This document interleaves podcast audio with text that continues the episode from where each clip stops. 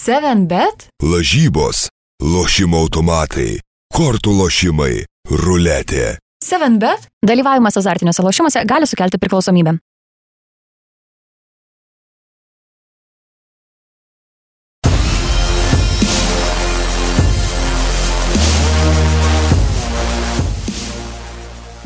Sveiki gyvi, eilinis pirmadienis ir šiandien turim savo laidoje skrieja kamuolys neeilinį svečią. Nedaug tokių trenerių Lietuvoje yra, kurie dirba tokiame lygyje. Linas Treigės mūsų svečias, Huddersfield Town klubo vyriausiojo trenerio asistentas, analitikas. E, Pašnekėsim gal apie pareigas šiek tiek e, vėliau.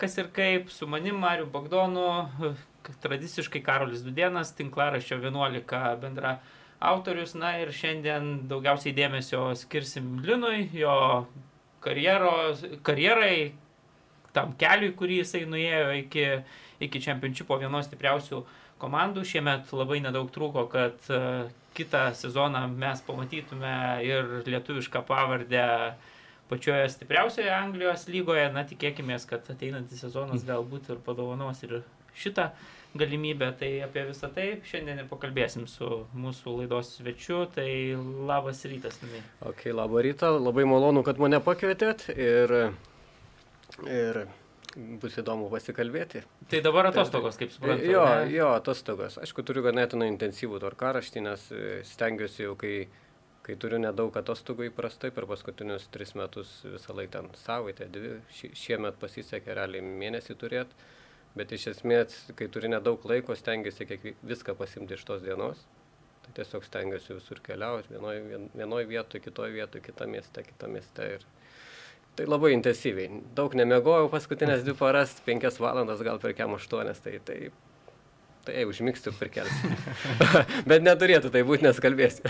Futbolo, futbolo daug e, vasaros atostogų metu, ar, ar, stengiatės kaip tik pa, pa, Šiaip, pailsėti? šiaip iš tikrųjų stengiuosi palisėti. Realiai aš visą laiką buvau toks, nu, realiai žmogus, kuris e, aš be perstojo žiūrėdavau tą sportą ir, tai, ir taip toliau ir panašiai. Ir, ir kai realiai futbolas baigdavosi, tai aš tada įsijungdavau naktį, ten, na, naktį NBA rungtynės peržiūrėti ir visą kitą. Ir eidavau mėgoti kokią penktą ryte, tada atsikeldavau, e- e- eidavau į, į studijas, taip toliau ir tas sukdavosi tokia tokia karuselė, tokia, kur ten 16 valandų, aš visą laiką be perstojo viską žiūrėdavau.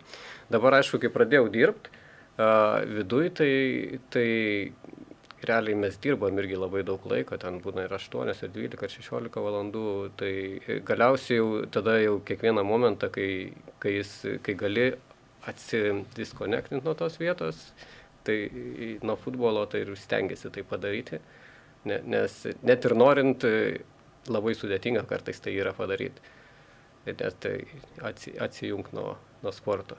Tai iš esmės jo daug, bet per atostogas stengiuosi riboti. Mūsų žiniasklaida dabar čia pastarosiam savaitėm numirgėjo ta žinia, kad uh, Lietuvio klubas labai buvo arti Premier lygos, pralaimėjo tas lemiamas rungtynes Vimblio stadione Nottingham Forest 0-1. Na ir vis tik, bet man atrodo, kad daugeliui taip vis tiek ta Lino Treigio pavardė tokia truputėlį yra mistiška, net ir Lietuvos futbolo mėgėjui. Man atrodo, kad e, nepakankamai mes vertiname specialistus, apie tai yra kalbėjęs ne kartą ir Valdas Dambrauskas sakė, kad na, mes Lietuvoje ne, nevertinam tų puikių profesionalų, kuriuos turim, kurie net e, sugeba pasiekti kažkokią karjerą, padaryti tokią tikrai dirbti tos, tame aukščiausiame lygyje ir, ir visgi to dėmesio tie specialistai negauna tiek, kiek turėtų gauti. Tai mano galva, jūs esate irgi vienas iš tų e, specialistų. Galiu paklausti, supažindinkit mūsų, nežinau, klausytojus, kas iš vis yra analitiko darbas ir ar, ar teisingai mes sakome, kad e, Linas Treigys yra Huddersfield Town analitikas. Ja, Ar- ne, šiaip viskas kaip ir teisingai sakot, aš re, realiai pagal kontraktą, pagal viską aš esu performance analyst. Te, tiesiog aš esu tas analitikas, kuris atėjo su vyr treneriu, tai esu vyr trenerio analitikas, tai kartu aš padedu dirbti ir ant aikštės, tai yra treniruočio procese, tai yra tiek paruošti treniruotę, tiek kad ji praeitų sklandžiai, tiek, tiek viską susitvarkyti ir padaryti viską, viską po treniruotės. E, Jeigu kažką reikia šiek tiek ekstra su žaidėjais ar panašiai, irgi galima padėti. Tai mano tas, sakyčiau, aš kartais save toks, aš esu toks žmogus, man patinka padėti ir padėti vis, visiems ir, ir visą laiką ir tose vietose, kur aš galiu padėti. Ir, ir aš šiaip Tai mano ta, tokia, tokia ir pareigybė iš esmės, kad va, visur, visur viską padedu. Ne, nesu asistentas, jeigu taip im- im- imant, nes mes turim vyr trenerį, i, du asistentus, kurie atėjo a, su juo ir tada esu aš. Bet, Mhm. bet esam va, tas pats trenerių štabas visas ir realiai esu labai arti tam visam procese. Ne tik analizai, bet ir vis, vis, visame procese, nes esam toje, toje pačioje komandoje su treneriu ir pora asistentų. Karlosas Kurbiranas yra tas ispanas Taip. Strategas, su kuriuo jūs atėjote iš e, Lyco komandos. Papasakokit iš vis, kaip, kaip gal atsidūrėt Anglijos uh, futbole. Čia labai, labai iš toli pasakot reikėtų, turbūt. Bet vis tiek, Ne, ne, įdomi istorija, nes, nu, Jo. Jo, įdomu, daug ne. kaip, kaip, kaip pats, e, žinai, kaip atsiradai futbole, ką, ką, žinai, ką mokysi, koks tas buvo kelias, nes vis tiek e, vienetai iš esmės turbūt, tokių kaip tu, kurie, kuriem iš. Lietuvos pavyko kažkur pakilti aukštėliau vat, ir dirbti tokiame lygyje kaip, kaip tavo čia pas paskutinius keliarius metus. Tai turbūt įdomu vis tiek ta, va, ta visa istorija, kaip, kaip tu va žingsnevai mm. ir, ir, ir papuoliai galiausiai va, ten, kur dabar esi. Tai, tai aš visą laiką taip galvodavau, kad e, visą laiką norėjau save sieti su sportu. Tai pirmiausia, tai daug svajojau realiai. Tai visos tos mano svajonės buvo, buvo būti vyr treneriu ir dar daugiau visokių svajonių turiu. Čia, jei norėsit, galima bus grįžti prie jų. Bet, bet, bet žodžiu, pir- primer- tai pradėjau studijuoti, įstojau į Lietuvos sporto universitetą ir mokiausi ir visą kitą. Ir, ir galiausiai supratau, kad realiai iš esmės e, tu turi pasimti atsakomybę ant savęs visą laiką. Jeigu nori išmokti, jeigu nori sužinoti ko daugiau, tai ne, ne nuo universiteto ar studijų programų ar kažko tai priklauso. Tai priklauso grinai tik tais nuo tavęs. Mhm. Tai, tai stengiausi išvykti į kuo, kuo daugiau Erasmusų stu- studijų ir buvo mano pirmos Erasmus studijos, tai 2011 Barcelonoje pusmetis. Vėliau teko tu- turėti praktiką Erasmus Valencijoje. Ten, sakykime, nedirbau ten su kažkokiais dideliais klubais ar panašiai, bet tu vis tiek jau esi toje aplinkoje, šalia futbolo, kažkokį, kad ir su vaikais dirbi ma, mažoji futbolo mokykloje ar, ar studijuoji, jau, jau kažką gauni iš to, išmoksti kalbas ir taip toliau ir panašiai. Tai, tai tas la- labai padėjo, po to net įstojęs aš į... Čia, žinot, sudėtinga yra būti tuo treneriu Lietuvoje. Čia aš atsimenu, klausiau jūsų tą podcastą, kai jūs kalbėjot e, su Valdu Dambrausku ir jis labai gerai ten paminėjo daugelį iš tų dalykų, kad nu, tik, tikrai sudėtingas tas kelias yra labai maži pinigai, jeigu tu nori ir jeigu atsiranda šeima ir kiti dalykai, tai pff, yra tiesiog sunku išlikti tam futbole, net ir, la, net ir labai norint. Tai, tai aš visą laiką, buvo man irgi tokių momentų, kad realiai e, dirbdavau ten kokį 11, nu, visus metus ten di- dirbi su kokia vaikų komanda, vėliau tos visus pinigus uždirbtus tu investuoji kokią UEFA ten A licenciją, kad išmokt. Ir ta, tada, tada vėl dirbi visus metus ir tada juos investuoji, kad ten iš universiteto įsipirkti kreditus, kad išvykti į, į dar vieną Erasmus praktiką e, ten Valencijoje ar kažkas tokio. Tai, Tai, tai daug tokių buvo ir sakau, realiai iš finansinės pusės, tai nežinau, iki 28 aš realiai nieko turbūt neuždirbau iš futbolo. Ir, bet mano mintis buvo ne tai, kad va uždirbti ar kažką čia ir dabar tiesiog noras visą laiką buvo kuo daugiau sužinoti. Sa- Kaip sakiau, aš turėjau tų daug visokių svajonių ir galvoju, e, vie- viena yra turėti, kita yra jos bandyti siekti ir visa kita. Ir aš norėjau būti va tas žmogus, kuris toks kaip pavyzdys kitiem gal kažkiek ir, ir siekti, siekti prasimušti ir, ir, tas, ir, ir, ir tas man buvo labai visą laiką svarbu. Tai, tai tiesiog investavau į save ir, ir stengiausi kuo daugiau sužinoti apie futbolą, nes aš pastebėjau tą dalyką, kad mes, tarkim, tiesiog daug, daug, daug visko žinom apie futbolą, bet paviršutiniškai.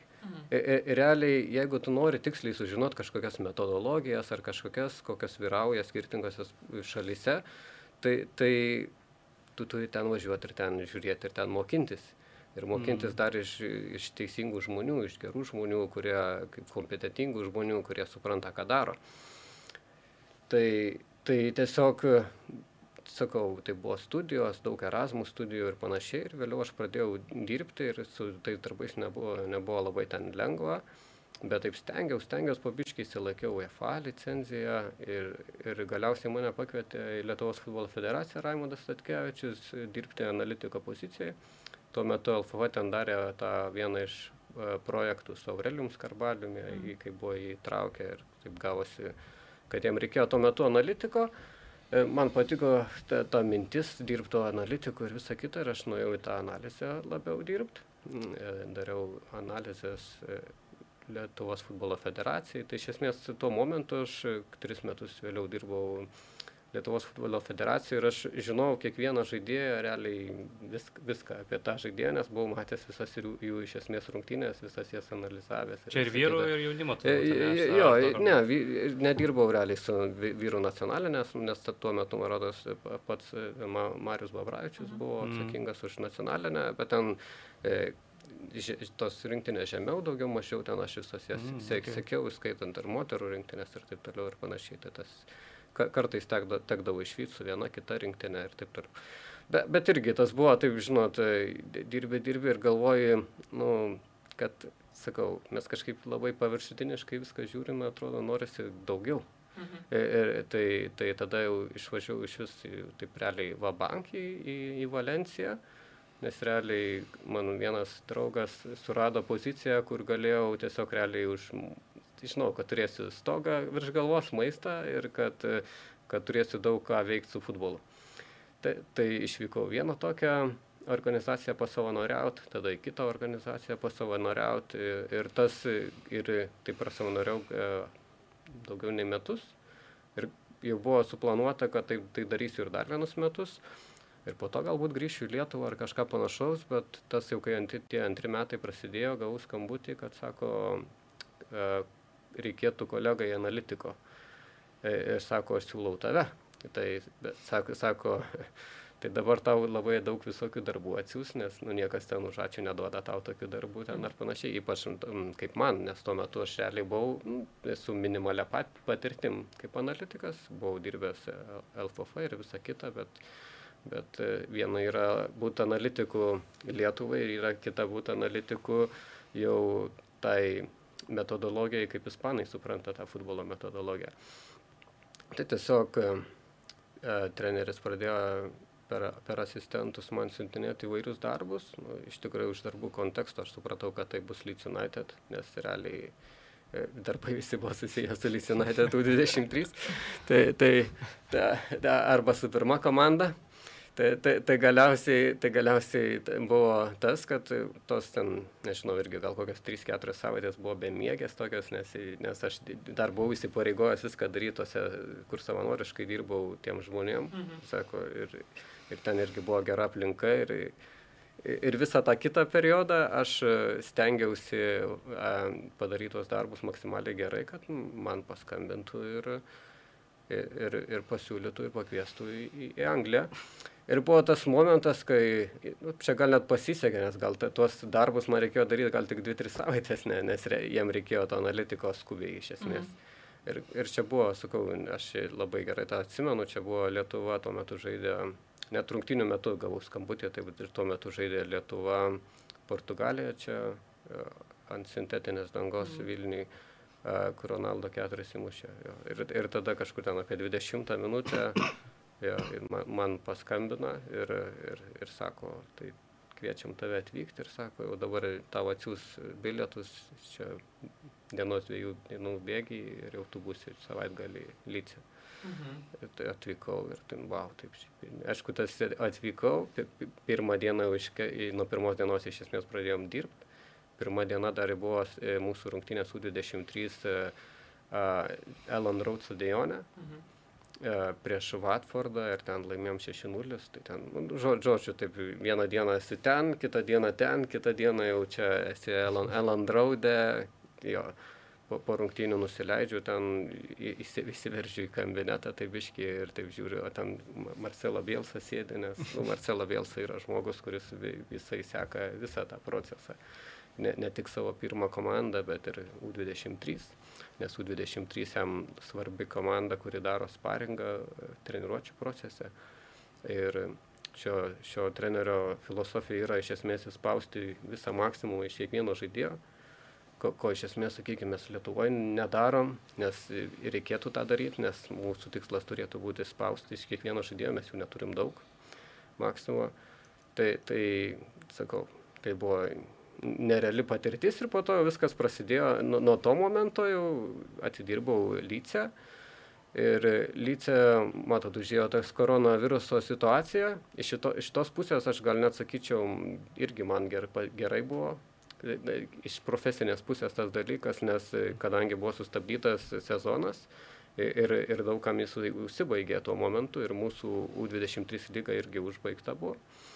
Tai kai įpratėsi, kai įpratėsi, realiai nuo to momento aš pradėjau prie pirmos komandos dirbti su tarp 50 žmonių, kurie buvo grinai prie pirmos komandos mhm. lyco ir, ir jau baigiam tada sezoną Liepos 23, man rodos, kai jau kai Lycas papuolė į, į Premier lygą tą sezoną. Ir tada atėjo pasiūlymas iš Huddersfield Town, Karlosui Karberanui, dabartiniam, e, tuo metu asistentui, asistentui ir U23 treneris buvo. Jis buvo ne? asistentas ir U23 treneris Licinatė, tai jisai atėjo jam pasiūlymas ir Ir tada tiesiog, kadangi tai buvo žmogus, kur mano vieno geriausių draugų, vienas geriausių mano draugų rekomendavo jį man, e, re, rekomendavo mane jam. A, ir, ir aš gavau va, taip darbą ir mintis buvo eiti su to pačiu treneriu į, į kitą jo, jo karjeros etapą ir, ir eiti visiems kartu ir, ir tenai dirbti. Dabar mhm. atvyko tas draugas, kuris mane rekomendavo, tai mes dabar dirbame visi vienam štabe ir šiaip turim tokį vieningą gerą štabą su labai kompetitingai žmonėm, vyr trenerių, bet asistentai irgi yra, turi išskirtinę kvalifikaciją. Mhm, dar į Lico, jeigu etapą sugrįžtume, koks yra Marcelo Bielsa čia ir knygų yra prirašyta, ir, ir, ir, ir istorijų visokių, mm. ir, ir taip toliau. Tai koks yra darbas su juo ir, ir, ir kuo jis, nežinau, toks ypatingas, kad... Čia reikia Karolio klausti, jisai labai, jisai labai se, seka e, Atletik, Atletik Bilbao klubą, tai savo laiku Marcelo Bilsa treniravo šį klubą. Ir aš atsimenu, šiaip, aš patį Marcelo Bielsą tai pradėjau sekti labai nu, nuo senai, realiai pradėjau sekti nuo tada, kai E, kai iš Čilė dar treniravo. Aš irgi tada pirmą kartą ir, ir, ir, ir, ir taip, ir nuo to momento sakau, čia kai aš naktim žiūrėdavau tą ir krepšinį ir visą kitą, tai būdavo ten ir, ir visą laiką į Čilę ar Ekvadoras koks žaisdavo, nes jie ten aukštikalnėse žaisdavo, tai būdavo įdomu pažiūrėti tą visą jų Pietų Amerikos futbolą, kaip rinktinė žaidžia. Ir aš pradėjau žiūrėti, kaip žaidžia Čilė su Marcelo Bielsa ir po to, ir tai galvoju, kas čia yra. Mhm. Visi, visi bėgioja, visi spaudžia, visi kažką daro ir taip tu pamatai visai kitokio modelio futbolą, negu, negu jisai yra tas normalus įprastas futbolas.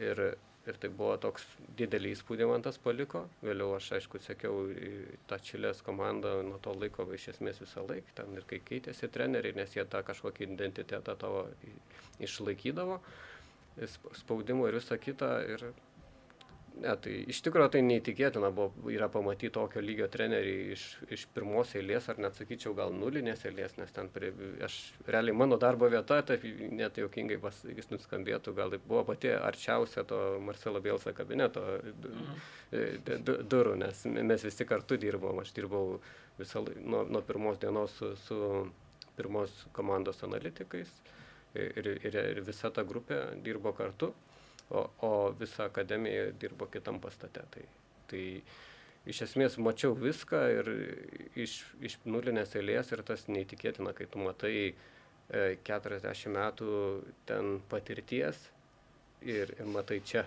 ka, ka, tai čia yra, yra wow. O treneris Marcelo Bielsa, nu, jisai yra toks treneris, kaip sakiau, aš jau minėjau, jis nori išspausti maksimumą iš kiekvieno žaidėjo.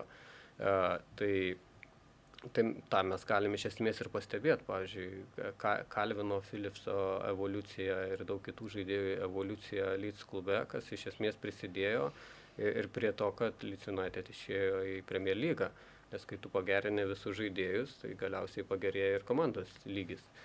Tai, tai, tai wow, Tiesiog, tiesiog tu supranti, kad viena diena čia, ten viena diena ar vienas praeina ir, ir atitiktų kokias septynias dienas kitam klube panašaus lygio, kurio netreniruoja Marcelo mhm. Bielsa, nes tiesiog daroma tiek daug darbų, kad nu, gal, galva neišneša iš tikrųjų.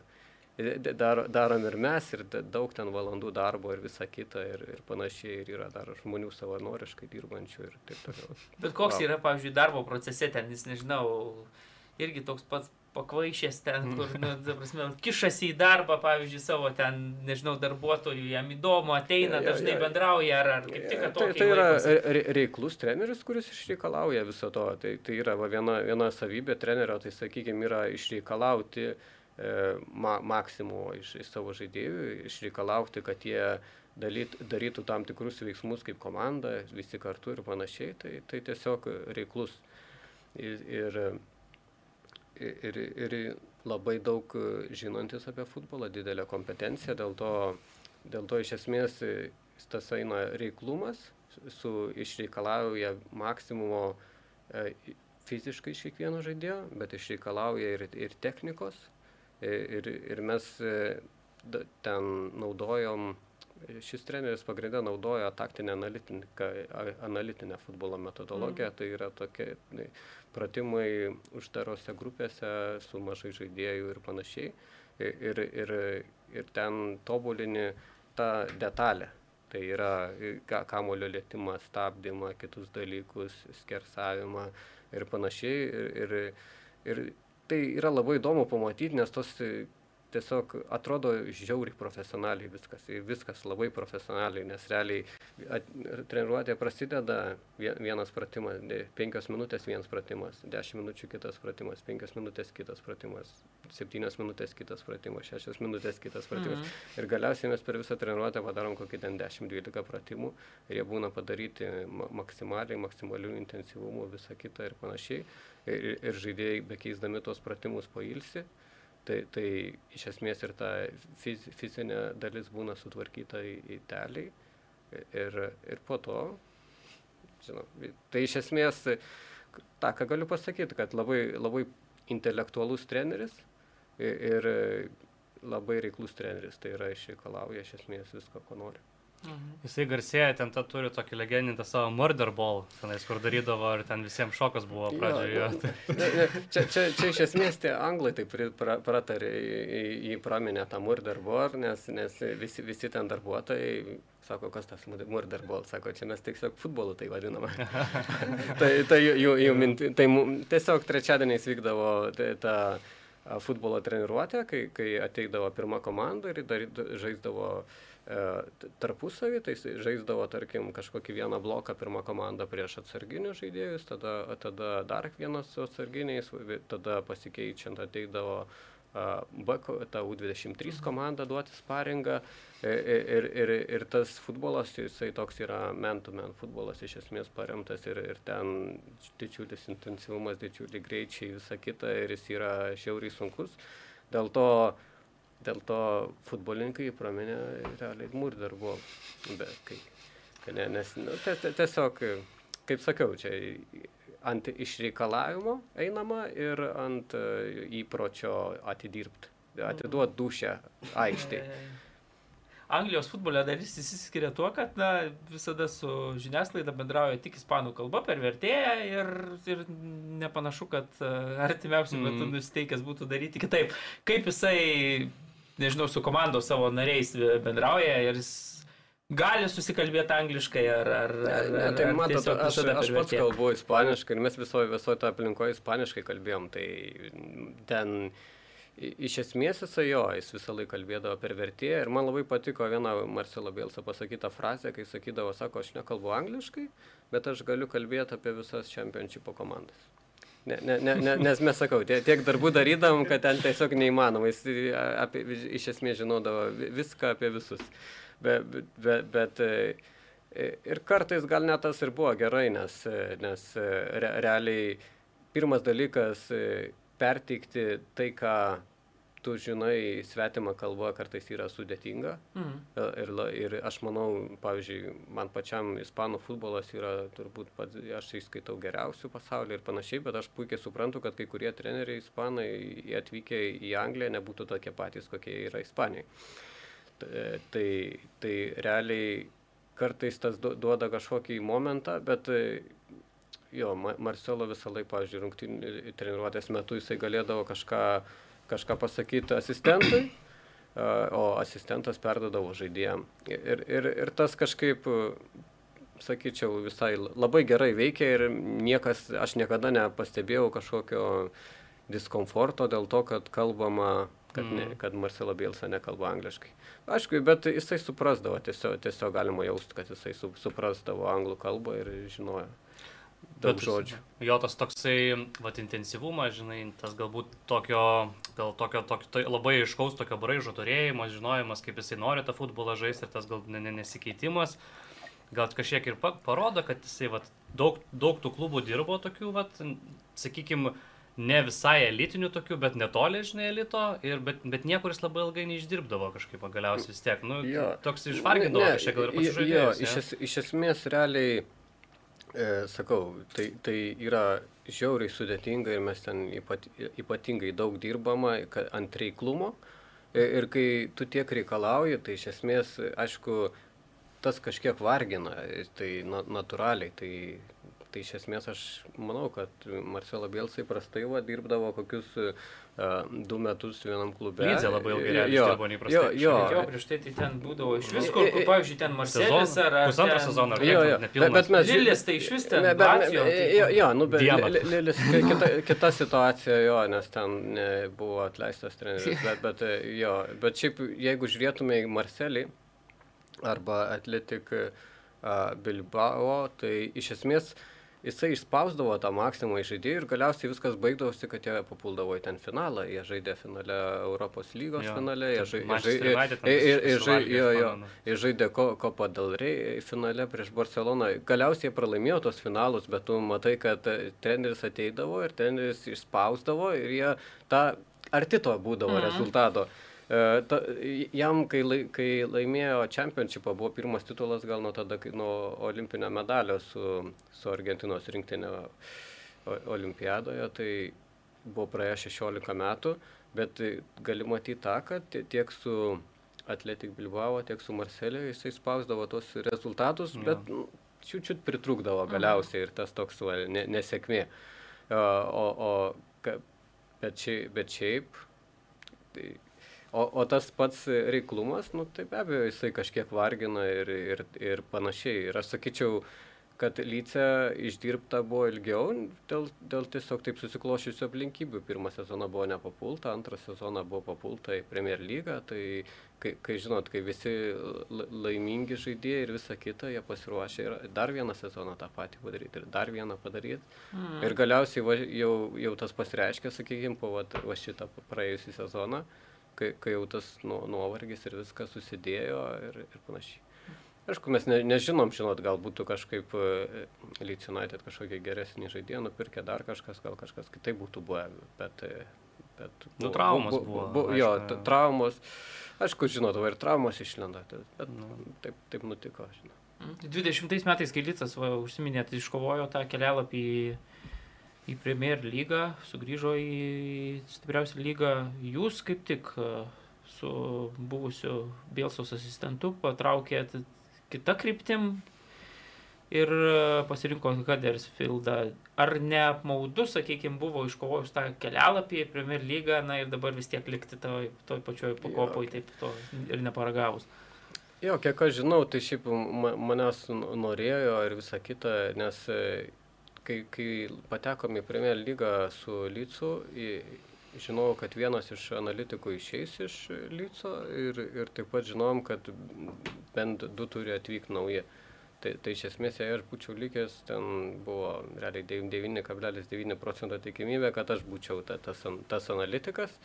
Bet, kaip sakau, aš tiesiog, tiesiog tai buvo neįtikėtina patirtis, ir, ir pamatytą visą, visą vieną sezoną padirbti tenai ir, ir panašiai. Ir kažkaip e, tiesiog norėjosi eiti su tuo pačiu treneriu ir atiduoti duoklę treneriui, atiduoti duoklę draugui, kuris mane reko, rekomendavo ir įtraukė į tą fut, futbolo ratą ir pasirinkti Huddersfieldą. Tai aš kažkaip to nu, apmaudo ar nuoskaudos tai iš esmės niekad nejaučiau, net, net tikėjausi, kad jie tą pirmą sezoną turės labai gerą, aš ir, ir jie turėjo į gerą. Tai, tai čia viskas buvo gerai. Huddersfieldas dar yra vienas iš tų, na, tokio, kaip čia, principinių konkurentų, Lietsui truputėlį nebuvo, vis tiek ta pati, ta pati grafystė e, nebuvo, nežinau, kad eini į priešo stovyklą, ar, ar nėra gal, gal, gal, gal žinot, je, jeigu, gal jeigu žaistume vienoje lygoje ir panašiai, tą priešas, prieš priešą pasijaustų labiau, O, da, o dabar taip tiesiog buvo, žinot, e, mūsų treneris pamatė momentą išeiti į kitą klubą ir mes išėjom į kitą klubą ir iš tikrųjų aš tik geriausiai žodžiais galiu kalbėti tiek apie Lysą, tiek apie Huddersfieldą, nes ir ten ir ten radau ten puikius žmonės, darbuotojus ir visą kitą ir, ir, ir tokia sakykime, šeima yra ir ten, šeima yra mhm. ir Huddersfieldas, Huddersfieldas dar mažesnis klubas, sakykime, tai kai mažesnis klubas kartais dar visi arčiau savęs yra, tai vieni kitų ir, ir tokie labiau stengiasi padėti ir visa kita. Tai iš tikrųjų, nežinau, kažkokios prieš priešos niekada ne, nepajaučiau. Sakau, jei mes žaistume vienoje lygoje, ar būtų kažkoks kita situacija. Aš manau, čia tiek ir fanai, ir visi suprato tą situaciją, nes, nes normalu, jeigu vienas iš asistentų nori išeiti į klubą ir pasiūlo klubas kaiminystėje, tai kodėlgi mm. ne. Tai iš esmės jokios prieš priešas dėl to ne, nepa, nepajaučiau. Pirmą sezoną sunkiai gan sekėsi Huddersfieldui jūsų trenerių štabui, vos ne, neiškrito ir po to toks šuolis didžiulis mm. jau kova dėl mm. Premier lygos. Kur, nežinau, jo, po, po, po, po teisybei mes jau žinom, kad sunkiai seksis. Ir dar prieš einant, tai aš vasakau, ne, net aš žin, taip tikėjausi, kad Lycas, kai, kai išėjo į Premier lygą, kad jie pirmą sezoną tikrai gerai nustebins, nes nu, tai yra klubas, kuris žaidžia visiškai kitokiu stiliu negu visi kiti. Tai tu nori, nenori, tu esi surprizas varžovam. Tarkim, Lycas labiau praktikuoja man-to-man gynybą, tai įsivaizduokite, jeigu koks klubas žaidžia beveik visą laiką prieš zoninę gynybą, iš esmės mm. visą laiką ir tada vieną dieną žaidži prieš mentumen, tai yra kitas kontekstas.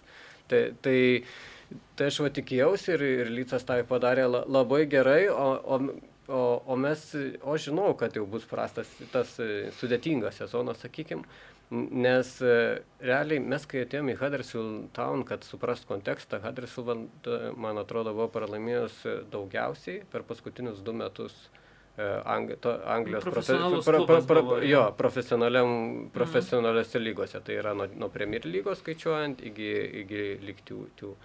Tai daugiausiai pralaimėjęs klubas. Nes matot, klubas, kai iškri, veik viską pralaimėjo Premier lygui, po to iškrito į Championship, turėjo prastą sezoną, kur tik galiai išliko e, lygoje.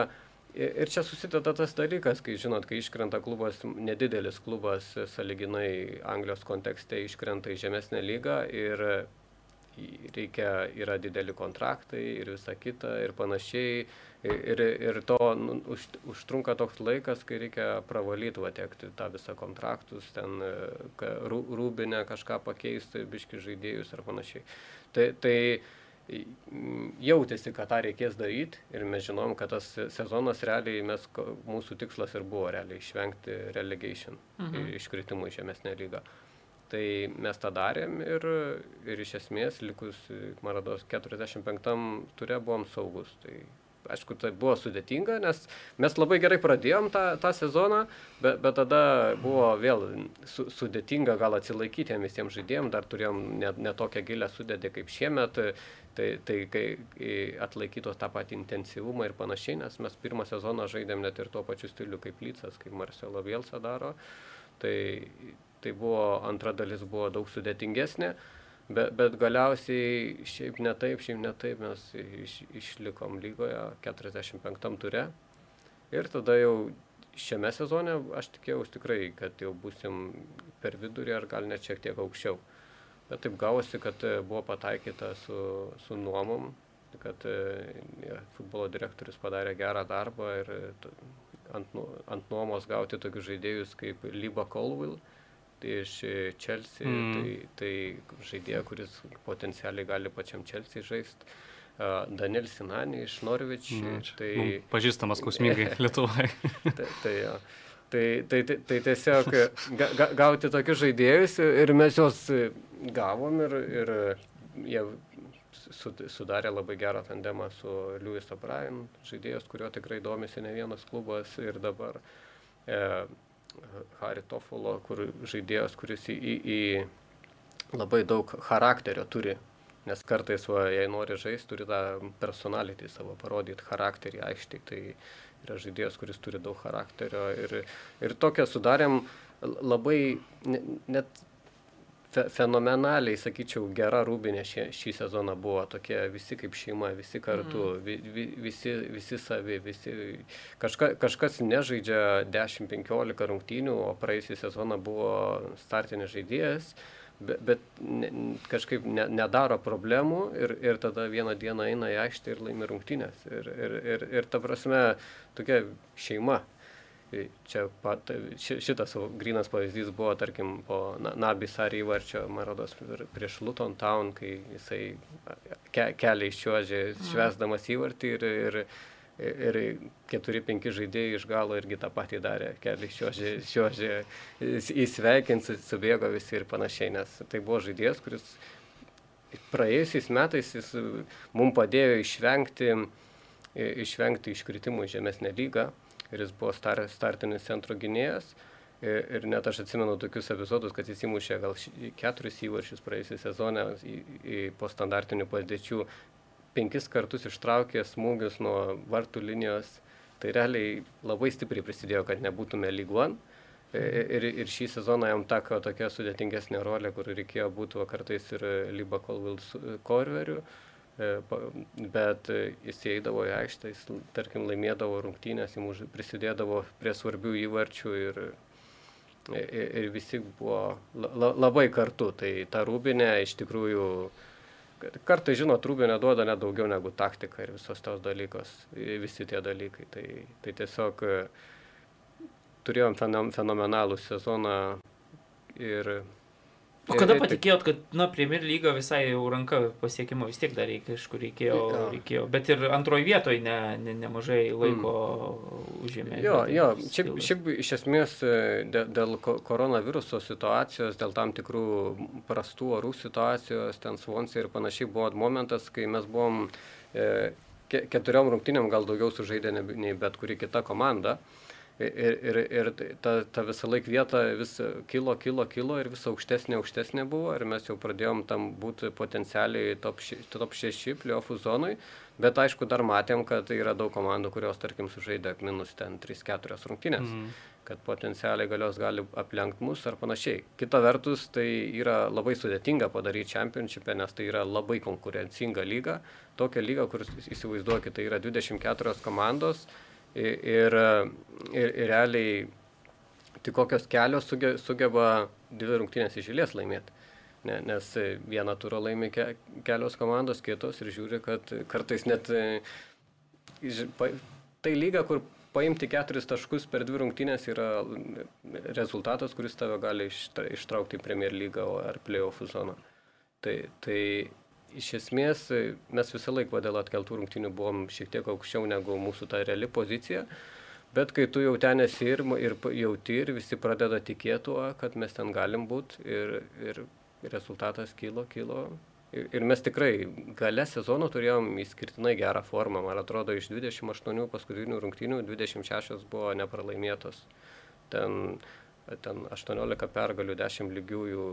Tai kartais net sunku suprasti, pavyzdžiui, kaip tokį sezoną padarius, gali neišyti į Premier lygą, nes jisai šis sezonas buvo geriausias ir ta, taškų prasme, ir vietos prasme, klubo istorijai. Tai jis buvo geresnis negu tada, kai papuolė. Jo, jo. jo. Esmės, ir, ir, ir mes e, tokius ranus padarėme, mes buvom 17-18 nepralaimėtų rungtynių padarę, tai to irgi nebuvo nuo 1930 mm. metų ar kažkas tokio kai Huddersfield Town yra tris kartus Anglijos jo, lygos e, laimėtojai, bet, bet tai padarė jie labai senai. 94, 95, 96, jeigu gerai. Taip. Ja.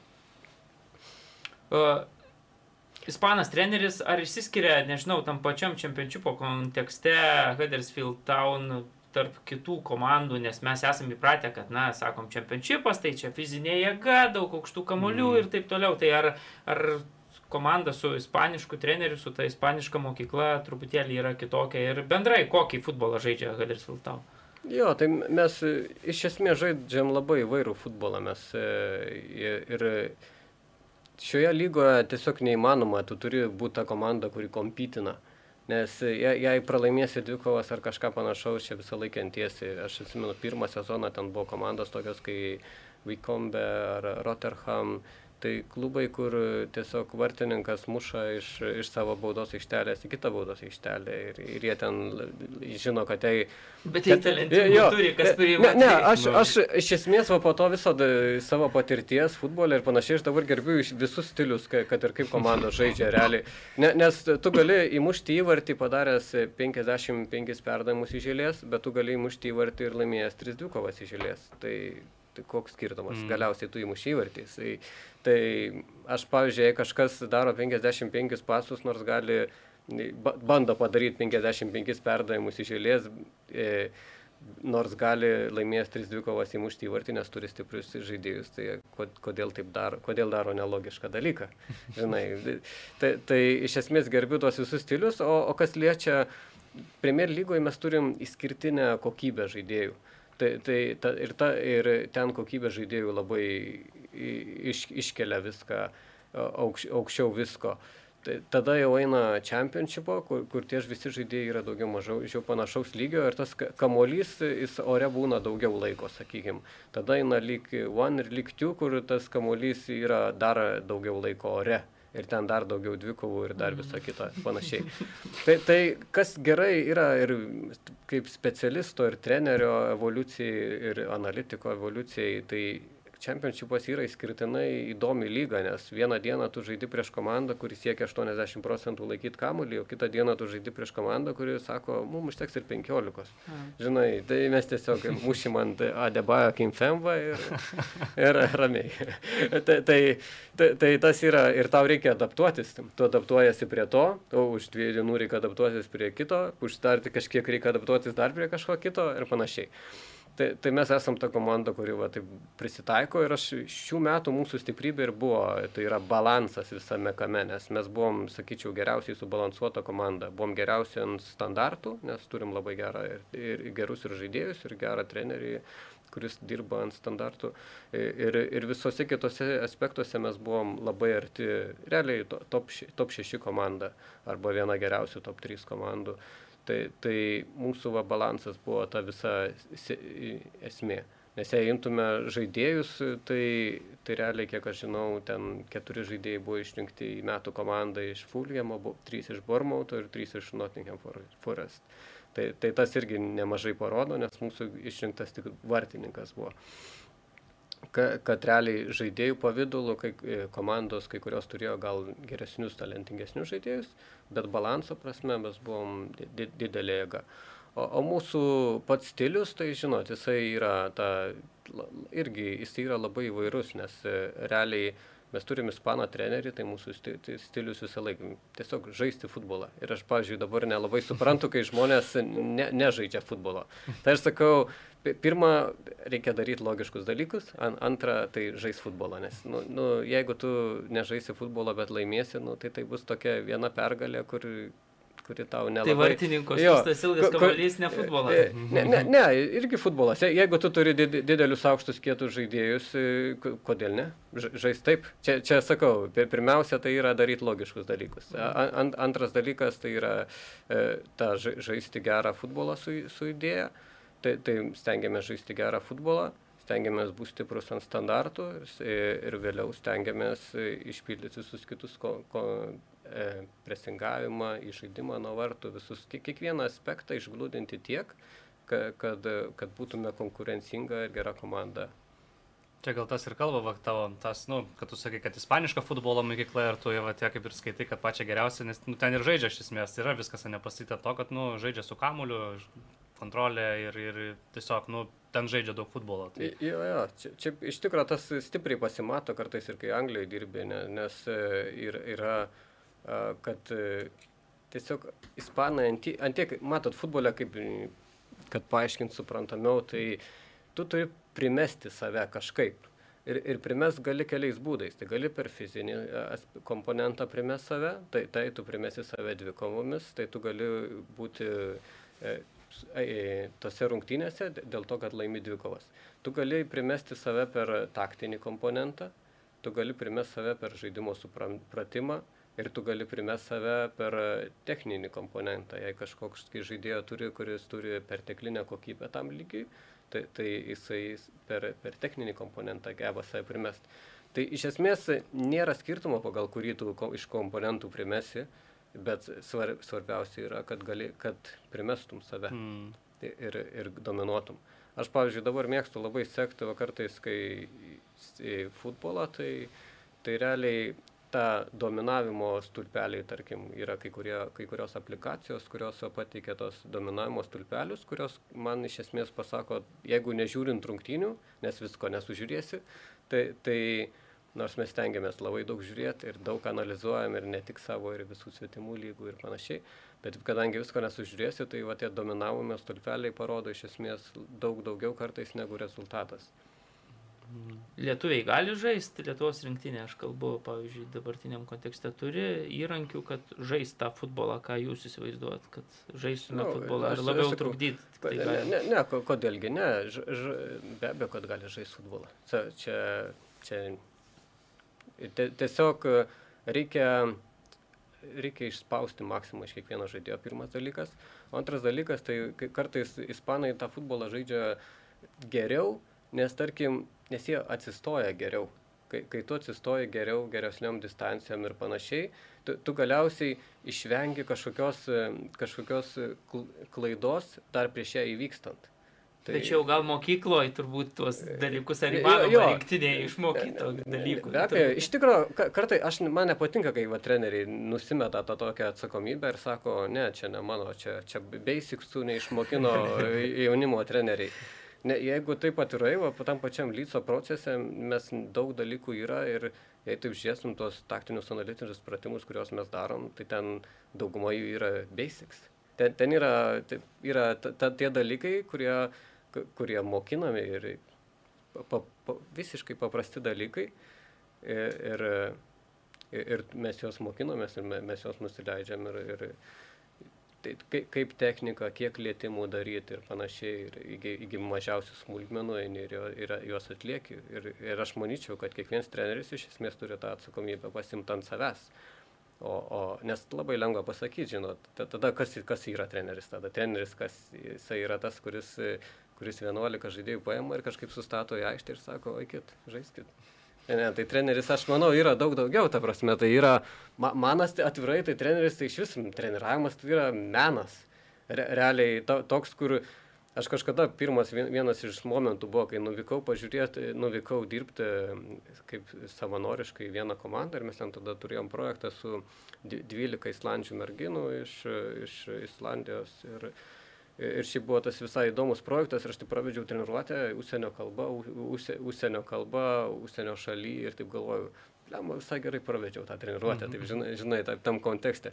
Kitą dieną atėjo ispanas treneris, kuris ten e, savo, nu, gera, labai geras treneris, e, pravedė tą treniruotę ir aš taip tą pirmą dieną save vertinau tokia 7-8, aš taip gerai pravečiau treniruotę, tada atėjo jisai, tada, nu, galvoju, gerai, gal vakar aš ten trejutų ketvirtai tą mhm. treniruotę pravedžiau, nes, nu, tiesiog, tu matai, tu matai mano konteksto, mano supratimo, kaip mes čia buvom mokomi, mokomi universitete ir kitus dalykus, tu, tu matai, kad, okei, okay, aš tą ten gerai valdžiau, tą gal, galvoju, kad gerai pravedai treniruotę, bet tada ateina kažkoks, žinot, geras ispanų treneris, jisai praveda treniruotę ir tu matai, kad, kad jis mato daug daugiau visokių smulkmenų, laiku ir vietoj pasako momentus, akcentus, čia vienu lėtimu turi žaisti, čia dviem lėtimais turi žaisti, čia turi priimti laiko, paturėti kamulį, čia taip, taip, čia. Ir, ir, ir tu supranti, kad perteikia daug daugiau detalių, negu tu perteikiai per tą ir ta, ir ta kokybė visai kitokia.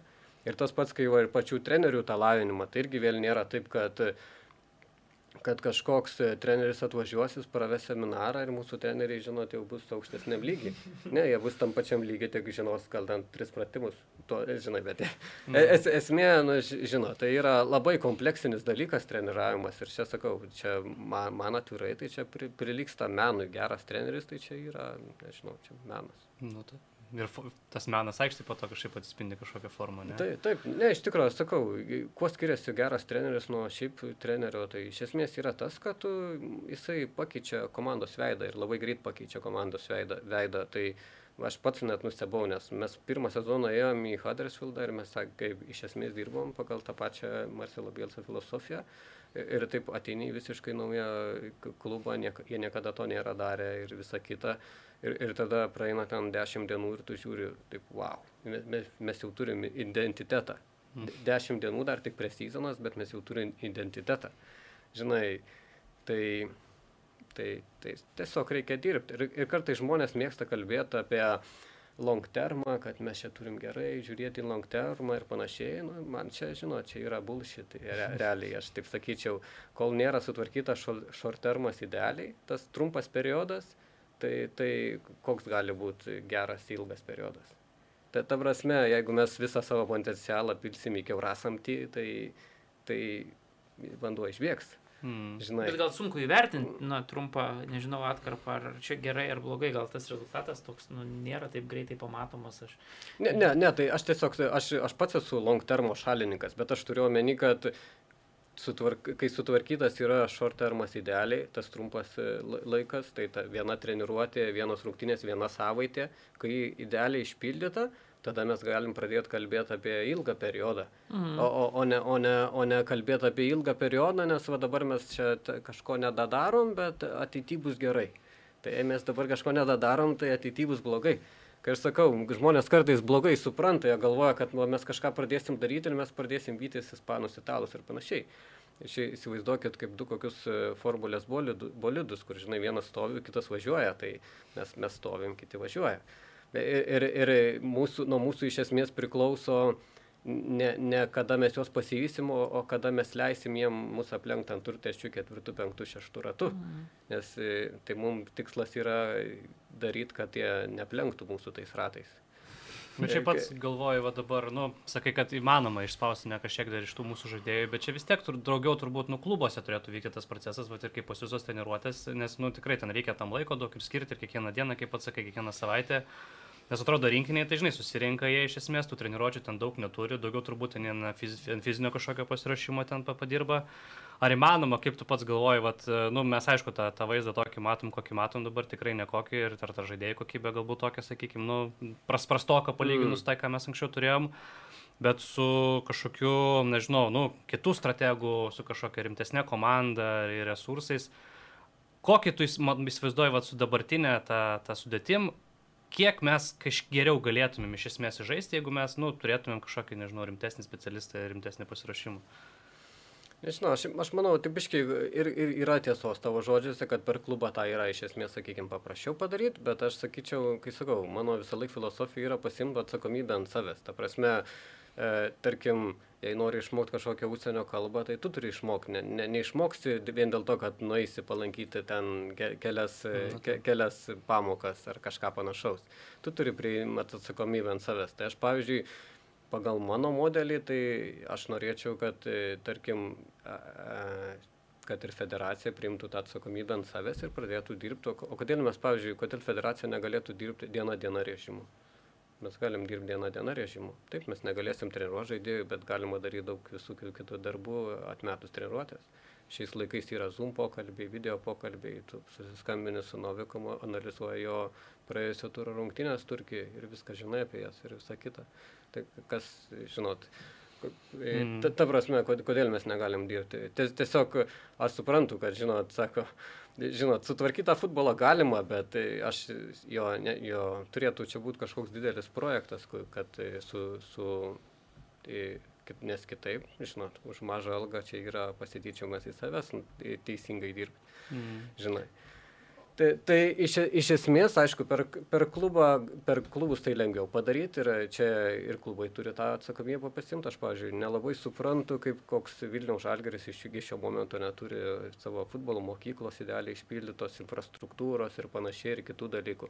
Nes, nes jei turėtų, galbūt, žinot, kartais koks talentas gali atsirasti visai dėl pašalinių dalykų. Tai tarkim, įsivaizduokim, jeigu, tarkim, tuos pinigus, kuriuos Žalgeris būtų seniau gavęs, gavo daug metų iš savivaldybėse, jie būtų infrastruktūra, į, kažkokį, į kažką investavę, kas turi išliekamąją vertę. Tai ten infrastruktūra ant panašiai ar panašiai. Tai, tai gal dėl to, kad kažkokiam, kažkokiam ten vaik, kie, kieme kažkokia aikštelė būtų Vilniaus Žalgerio pastatyta, ten gal kažkoks vaikas jo į E, šalia jos gyventų, kiekvieną dieną eitų ir gal vieną dieną tas vaikas, nu, ne modričium taptų, bet ta prasme gal taptų labai gerų futbolininkų.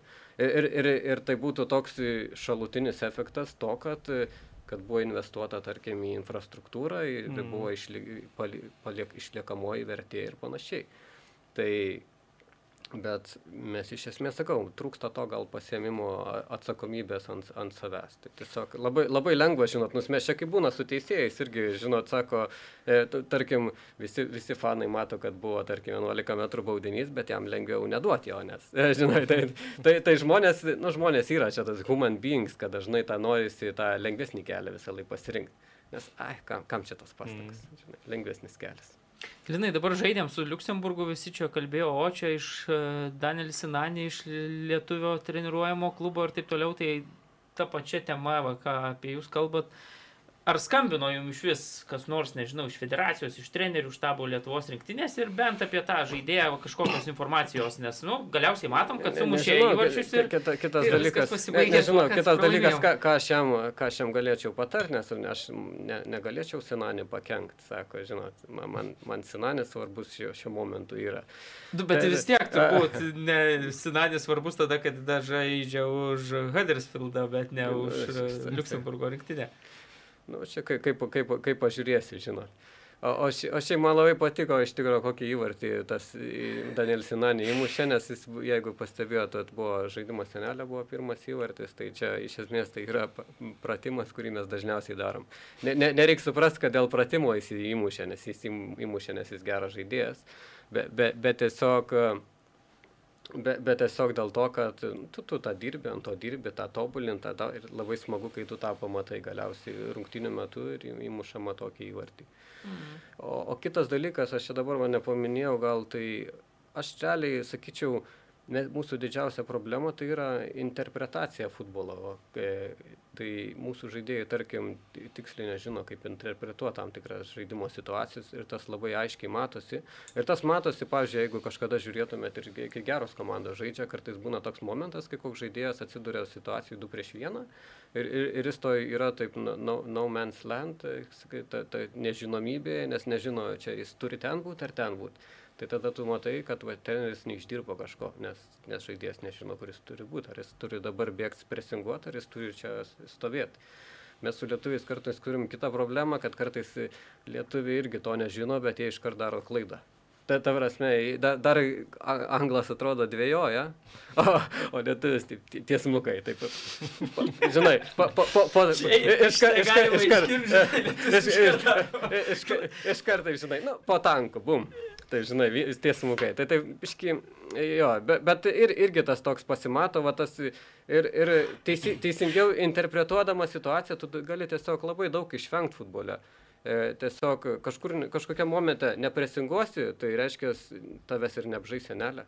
Žinai, okay, jei po to sinaniai muš įvartį iš ten 14 metrų, iš ten 20 metrų, okay, tai paplosiu, aš jam pats ją paplosiu. Ir, ir treneris gali paploti, ir žaidėjai gali paploti. Nes nu, yra momentas, kai tu turi, e, kai tu turi tarkim, maži, tai rinktis, kas yra, tau yra mažesnė rizika. Tai, tai tiesiog yra tam tikri dalykai, o tas futbolo interpretavimas. kaip sakau, tiesiog labai sunku kalbėti apie futbolą, nes futbolas yra labai kompleksiška sporto šaka ir realiai daug dalykų išvengiam prieš jiem įvykstant dėl to, kad stovim geriau ar kažkas panašaus. Tai, tai, tai po to labai, labai jau sudėtinga kalbėti. Mm. Aš, man teko, kai dirbau Ispanijoje, savanoriavau tuo metu Ispanijoje, kalbėti su Benito Floro. Benito Floro tai čia buvęs Madrido Realo treneris. Ir, ir jis tą pavyzdį sakė, sako, kuo skiriasi. Jis mane paklausė pirmiausia, kas yra futbolas, tai aš ten paklausiau, kas, pasakiau, kad žaidimas, kuriame reikia priimti ir išpildyti sprendimus. Ir jis jam patiko ta mintis. Tai, tai jisai sako, tada, o ko skiriasi, pavyzdžiui, šachmatai, sako, nuo, nuo, nuo futbolo, sako. Tai, tai, tai, jisai, tai tada jisai, nu, aš jau ne, ne, nesiryžau atsakinėti klausimus į, į, į, į. Tai jis man tada sako, sako, šachmatai sako, kai tu žinai sprendimą, sako, tai tu tiesiog labai lengva jį atlikti, nes tau reikia tiesiog išties ranką, paimti figūrėlį ir pelkėti į kitą vietą. Futbolio, sako, žaidėjas turi priimti sprendimą ir per labai trumpą laiko tarpą ir jį turi išpildyti ir tas išpildymas priklauso nuo jo technikos įgūdžių, varžovų stovėsienos, kitų dalykų ir panašiai. Ir tas automatiškai daro futbolą daug labiau kompleksinių žaidimų negu, ne, ne, negu tie patys šachmatai, kuri, kuriais aš be nemoku žaisti. Bet iš to, ką kalbat ir kaip kalbat, tai man susidaro įspūdis ir esu girdėjęs ar interviu, ar, ar skaitęs, neatsimenu dabar, kad vis tiek tas ilgalaikis tikslas jūsų yra vyriausiojo trenerio arba pozicija turbūt, ne, ne, ne, neapsiriboja dabartinio. Mm, jo, šiaip, šiaip sakau, aš nuo vaikystės visą laiką norėjau būti vyr treneriu, realiai, nuo visą laiką, bet, bet tu gyveni, evoliucionuoji, visas ir požiūris keičiasi ir kiti dalykai. Ir aš dabar šiaip nespjaunu, kad tiesiog galvočiau apie tokią poziciją. Bet e, tu gali ją apsimti, mano atveju gali atsimti ją tik tais turėdamas stiprų kontraktą, nes iš esmės jeigu kažkas tau pasiūlytų stiprų kontraktą, projektą ar panašiai, tu galėtum kažką, bet, bet jei kažkas siūlo silpną kontraktą, tai tiesiog nevertai, nes tu gali tą patį uždirbti dirbdamas tą patį ir daug daugiau dirbdamas analitiku ir tu pamatysi kitas šalis, kitas organizacijas, kitose vietose. Tai, tai iš esmės e, yra, bet tai Bet iš kitos pusės aš dar žiūriu va taip, kad e, vyr treneris kartais yra įkaitas e, aplinkybių. Mhm. Ir kai tu esi tas toks tarsi įkaitas aplinkybių, tai, tai, tai gaunasi tokia, kad darai labai daug, bet kartais negali tiek daug prisidėti klubo gerpui, kaip pavyzdžiui, sporto direktoriaus pozicija. Ta, arba futbolio tas vadinamas DOF, Director, director of Football. Tai, tai net nežinau, šiuo, šiuo metu aš labiau gal net sakyčiau, norėčiau eiti į to, tolim, tolimoje mm -hmm. perspektyvoje, net eiti į tokią poziciją, nes man tiesiog, man patinka viskas, aš žiūriu į labai holistiškai futbolą, tai, tai nesiaurų požiūrį, ne tik per treniravimą, bet holistiškai ir, ir Ir kai tu taip žiūri į futbolą ir norisi kažkaip pagerinti viską kontekste, iš, iš esmės ta pareigybė, kuri, uh, kuri gerina viską, tai yra realiai futbolo direktorius iš šitos pusės. Nes tu, nes tu tada e, nuo tavęs tu renki trenerį, e, tu, tu e, dar, darai darbo interviu su treneriu, kad, kad e, nežinot, futboliai, kai aš sakau, yra žmonių, kurie, tarkim, geri treneriai uždirba ten 200 tūkstančių per metus ir didesnės algas, bet, bet yra trenerių, kurie uždirba 200 tūkstančių, nes jie kompetitingi, Ir yra trenerių, kurie uždirba 200 tūkstančių, nes jie gali. Žinai, ir tai yra du skirtingi. Tai žuzė, prie kurių. Ski, ski, ski, ski, skirti, nu, jis ne 200 tūkstančių uždirba, žinai. bet, bet, bet esmė, esmė, kad yra, yra tie, kas, kurie kompetitingi ir tie, kurie gali. Tai, tai taip aklai, jeigu kažką rinksies, labai dažnai gali pasirinkti tą, kuris gali, kuris buvo eksfutbolininkas, kažką pažįsta, panašiai, ir, ir jis, jam kažkas kažką pasiūlė, kažkas įkišo ir, ir jis jau...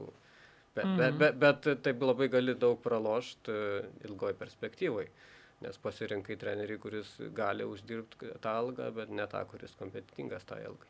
Bet jūs pataisykit mane, e, Jūs dabar A, e, UEFA licenciją. Jo, turite, jo. Ne? Ir taip. aš kiek teko girdėti, kad Pro irgi negavot licencijos Lietuvoje vien tik tai dėl to, kad kažkada nebuvo, neturėjot patirties treniruoti A lygos klubą ar pirmos jo, lygos jo, klubą. jo, ne, čia teisingai. Jo, tai buvo? ten iš esmės buvo tokia situacija, aš tuo- metu savo nedalyvau Ispanijoje, aš norėjau laikytis tą licenciją ir man pasakė iš esmės, kad, e, kad ne, negaliu, ne, ne, nes, nu, ne, nes negaliu parodyti, kad profesionaliam futbole dirbau A lygoje ar pirmoje lygoje.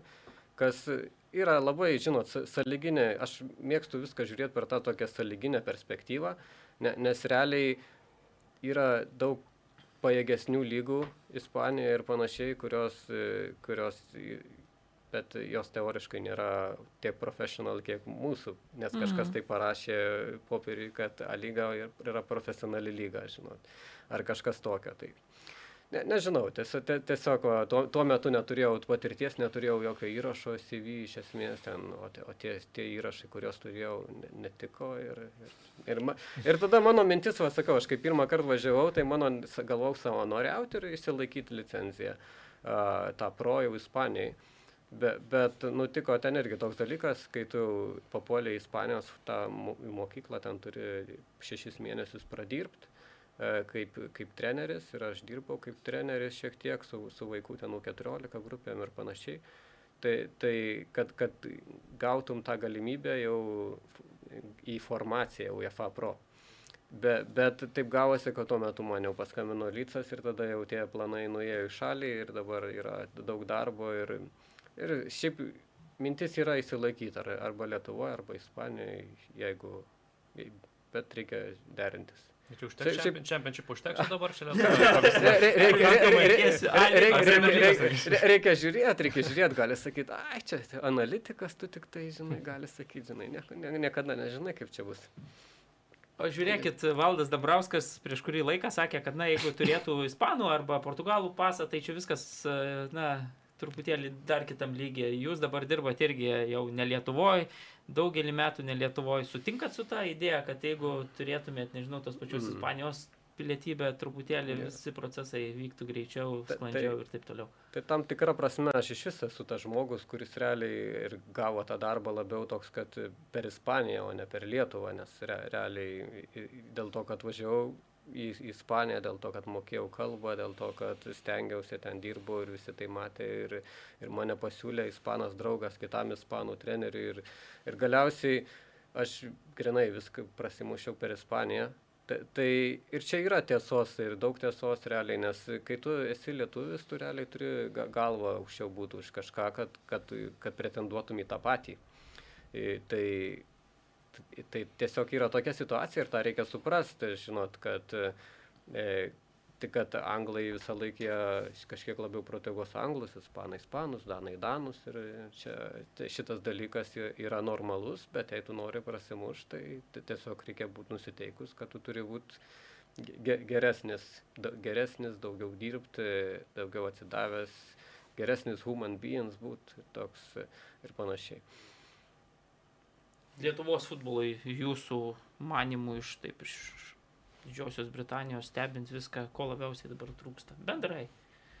Bendrai truko. Čia dabar, kai gavom 0,6, tai visi prasidėjo ir laidų dabar įvairių tokių, ne tik tai, kad futbolui, bet, bet ten ir, ir rimtose kanaluose viskas dabar visi analizuoja, kas čia, kodėl futbolui atsitiko. Aš sakau, kai, kai, kai gavom 0,6, tai tada vėl visi sukyla. Ne, Ir ne, kas čia, ne, kodėl? ne, Jeigu ne, būtų gavę tai- 0,2 ar 0,3, Tai tai nieko neįdomu. visiems Ne, būtų ne, kaip ne, ne, tai- savaime suprantamas dalykas. A- Aš ganėtinai panašią mintį, žin- žinot, kai Bulgarija buvo įveikta, čia vienas paskutinių pergalių, gal paskutinė, Mhm. aš neatsimenu dabar jau. A, Lietu, Lietuvos pergalė, tai, tai aš tada taip žiūrėjau tas rungtynės ir aš sakau, visą laiką žiūriu per tą saliginę mm, perspektyvą. Tai, tai aš žiūriu rungtynės, aš matau, kad bulgarai žaidžia labai, labai prastas rungtynės ir mes juos nugalėm. Ir mes nugalėm iš esmės bulgarus, nes jie sužaidė prastas rungtynės ir tada tu, žinai, e, ve- vertini vėl taip kažkaip, nu, okei, okay, tai pergalė, be, be, bet tu žaidai prieš komandą, kuri buvo tokia mhm. labai sausau tą, tą, tą, tą, tą dieną. Tai, tai, tai kitą dieną tu e, žaidi prieš geresnę komandą. Normalu, kad jie muštau 3, 4 ar 6. Aš kai sakau, kartais mes priklausomi esam nuo, nuo varžovų motivacijos, žinot, vieni gali įmušti tau tris ir sakys, ai pasitaupom čia sintetiką, gal susitraumuosim ar kažką tokio, o kiti gali įmušti tris ir saky, išleis atsarginių žaidėjų, tie norės įrodyti savo vertę ar kažką ir jie bandys mušti daugiau, spaus daugiau ir, ir, vis, ir visa kita.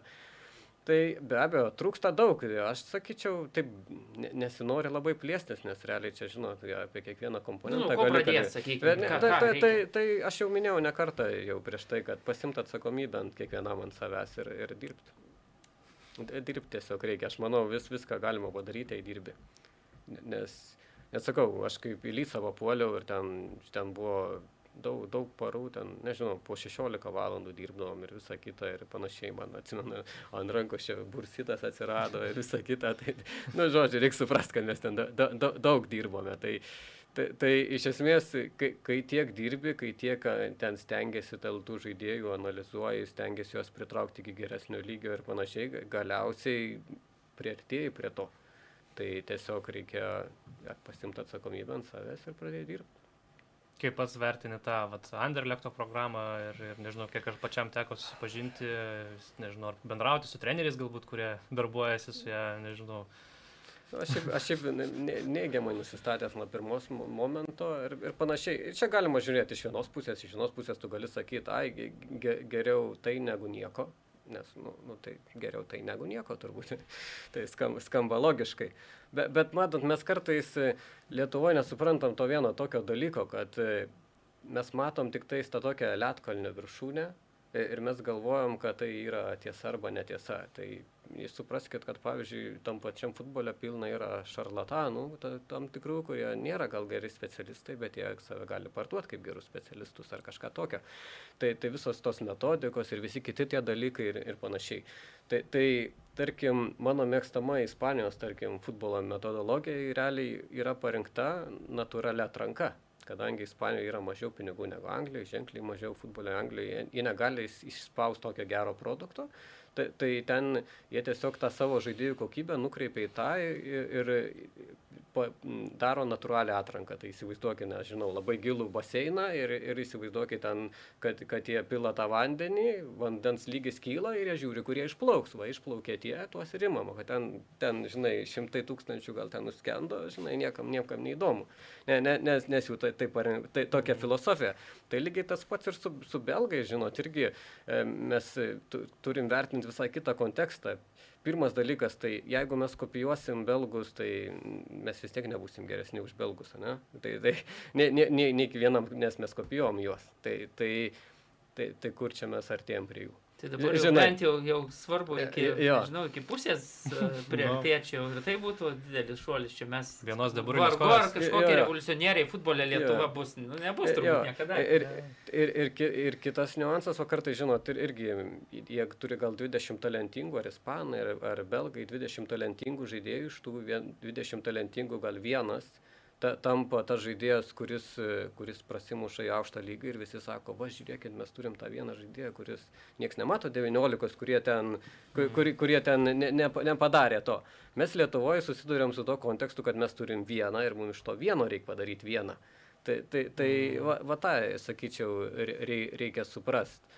Ir, ir, ir Tai mano iš esmės atsakymas būtų toks, kad, žinot, jie, jiem, jie iš 20 reikia padaryti vieną, mums reikia iš vieno vieną. Tai mes turim tiesiog pasimti atsakomybės ant savęs ir turim dirbti geriau negu kiti dirba. Tai mano irgi va tokia visą laiką, aš kai vykau į tą Ispaniją ir visas kitas šalis ir šit, visi visą laiką stengdavai sužinot, ką jie daro ir kaip tą, ką jie daro, galima pagerinti. Uh, tai ties, ties, tiesiog reikia stengtis dirbti geriau negu kiti dirba. Mhm. Ir, ir, ir tas tikrai įmanoma, jūs negalvokit, pavyzdžiui, e, e, kad jaunimo futbolas iš tikrųjų yra ženkliai prašiau išvystytas negu, negu profesionalų futbolas. E, tą atskirtį aš stipriai mačiau ir po perėjimo iš Lysų 23 į, mhm. į Huddersfieldą ir, ir tu pamatai, kad nu, nu, galiausiai tas studium 3 yra, tarkim, sakykim, čia, o, o, o tas profesionalų futbolas prasideda čia. Ir mes turim lietuvių, kurie irgi ne vienas ten važiavo į tos užsienius ir visą kitą ir dirbo ir panašiai. Ir, ir ten, ir jie buvo, vasakau, tie, kur, kur tie 19, kurių, kurių niekas nemato po to, kai mato vieną, kurį ten tą akademiją paruošė. Tai, tai čia normalu, bet sakau, mes turim dirbti geriau, mes turim išvežti žaidėją jau techniškai, taktiškai visai parengtą tokį, kuris nuvažiuotų ir, ir nebūtų treneriui, sakykime, priežasties neleisti jo į aikštę. Ta, ta prasme, nežin, nežinot, je, jeigu tu konkuruoji su kažkokiu ispanų, greičiausiai ten ar anglų, greičiausiai jis bus tas pirmas numeris pas kažkokį trenerį, bet, bet jeigu uh, tu įleidai lietuvį ir tas lietuvis viską daro geriau, žino šimtus konceptų futbolo ir juos išpildo aikštį ir visą kitą ir panašiai ir su jo komanda laimi, tau nėra priežasties neleisto žaidėjo į aikštę. Tada jau tu privalai leisti į aikštę. Ir sakau, mums tiesiog reikia dirbti geriau nei kiti dirba ir, ir stengtis tą išspausti. Paruoš žaidėjus ir juos tada vežti jau ten, kad jie užsikabintų, o ne kad jie būtų tie, kurie, žinai, nuvažiuos ir grįž. O jūsų nuomonė, pavyzdžiui, mes visada sakom, kad čempionšipas, va, ta fizinė jėga paremtas, koks ir lietuviškas futbolas, nu taip, toks stereotipas, sakykime, yra dabartinių Lietuvos e, žaidėjų galėtų žaisti čempionšipę ir šiaip istoriškai žinom, kad ten, nu, kas Kalonas truputėlį mm. žaidė labai trumpai, man atrodo, ir daugiau net nelabai gal, gal tų pavardžių lietuviškų ir buvę. Akademijos, tik, tai turbūt, kas? Turbūt tik akademijos yra buvę, aš galvoju. Jo, tai, tai ar dabar jūs matot, nežinau, futbolininkų, kurie galėtų tame lygyje žaisti. Ir kitas klausimas, ar, na, čia tiesiog vėlgi lemia pažintys, agentai ir taip toliau, kodėl mūsų futbolininkai, na, per tiek e, laiko niekada tam čempionšipė taip ir mm. nežaidė, neįsitvirtino. Aš, man atrodo, kažkada gal Černikas. Saulis čia, čia, čia, Mikoliūnas beje buvo, buvo kviečiamas irgi. Čia, Černikas, man rodos, buvo Blackpool, Blackpool buvo kviečiamas beros vienu momentu, kai jis lenkė. Ir, žaidė. ir Mikoliūnas su, su Martinėzu turėjo eiti mm. dabar. Jo, pasakoja, teisingai, Svansijai. Mm. Svansijai. Jo, jo. Nu tai iš tikrųjų, nežinau, dabar gal koks Ed, Edgaras Sutkus, jisai yra tas žaidėjas, kuris galėtų tenai ta, tam lygiai žaisti. Ir, ir jam, nesakyčiau, tai būtų gera lyga, nes realiai ten yra dabar 24 klubai, iš kurių gal didžioji dauguma žaidžia trim gynėjais, o, o Utkui panašu, kad yra geriausia žaisti tri, trim gynėjais dešiniai pusiai. Tai, tai sakyčiau, galėtų, bet žinot, reikia rasti tinkamą aplinką, tinkamą vietą, tinkamą, tinkamą poziciją, žinai, ir panašiai. Tinkamą žaidimo stilių komandos, tarkim, mes kaip tik, pavyzdžiui, va toj pozicijoje turim du, du, du gerus žaidėjus į, de, į dešinę centro gynę poziciją, tai mūsų ne. Bet tarkim, Bet, bet, bet, bet, bet, bet pagal kontekstą, aš manau, toks žaidėjas galėtų žaisti. Iš viso aš, pažiūrėjau, Atgarautko tai prisimenu nuo tų momentų, kai jisai už jaunimo rinktinę žaisdavo NFA akademiją ir panašiai. Jis visą laiką buvo žaidėjas, toks, žinot, sakykime, taip įsireiškiu, jis taip žvėrėsi savęs fiziškai, visai jis, jis sudėtas ir taip toliau. Bet, bet problema būdavo, žinot, kad tu matai, kad jis e, įdeda ten gal 30 procentų savęs ir jis vis tiek yra geriausias aikštėje žaidėjas, nes Lietuvos kontekstas toks. Ir, ir re, realiai, kai tu įdedi 30, tau naudos tai neduoda tau, tu nertėjai prie to tikslo būti ten mm. top 5 lygoj, ne, jeigu su 30 procentų esi geriausių, geriausių žaidėjų aikštėje.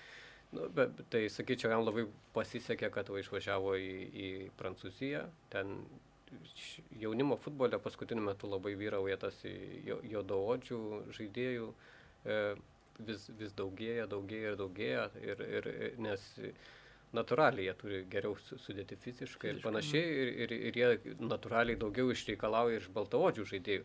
Čia irgi vienas iš tų dalykų, kaip pavyzdžiui, kodėl aš manau, kokia Belgijos filosofija prašiau veiksli, čia net, net ir pati geriausia Belgijos filosofija, žinai, jinai veiktų prašiau Lietuvoje negu, negu Belgijoje, dėl to, kad, žinot, ten jie turi ten Felainį Lukaku, ten daug tų viso ža žaidėjų ir, ir Asardai broliai ir taip toliau, ir tu matai, kad dauguma jų turi kažkokią kilmę iš kitų šalių.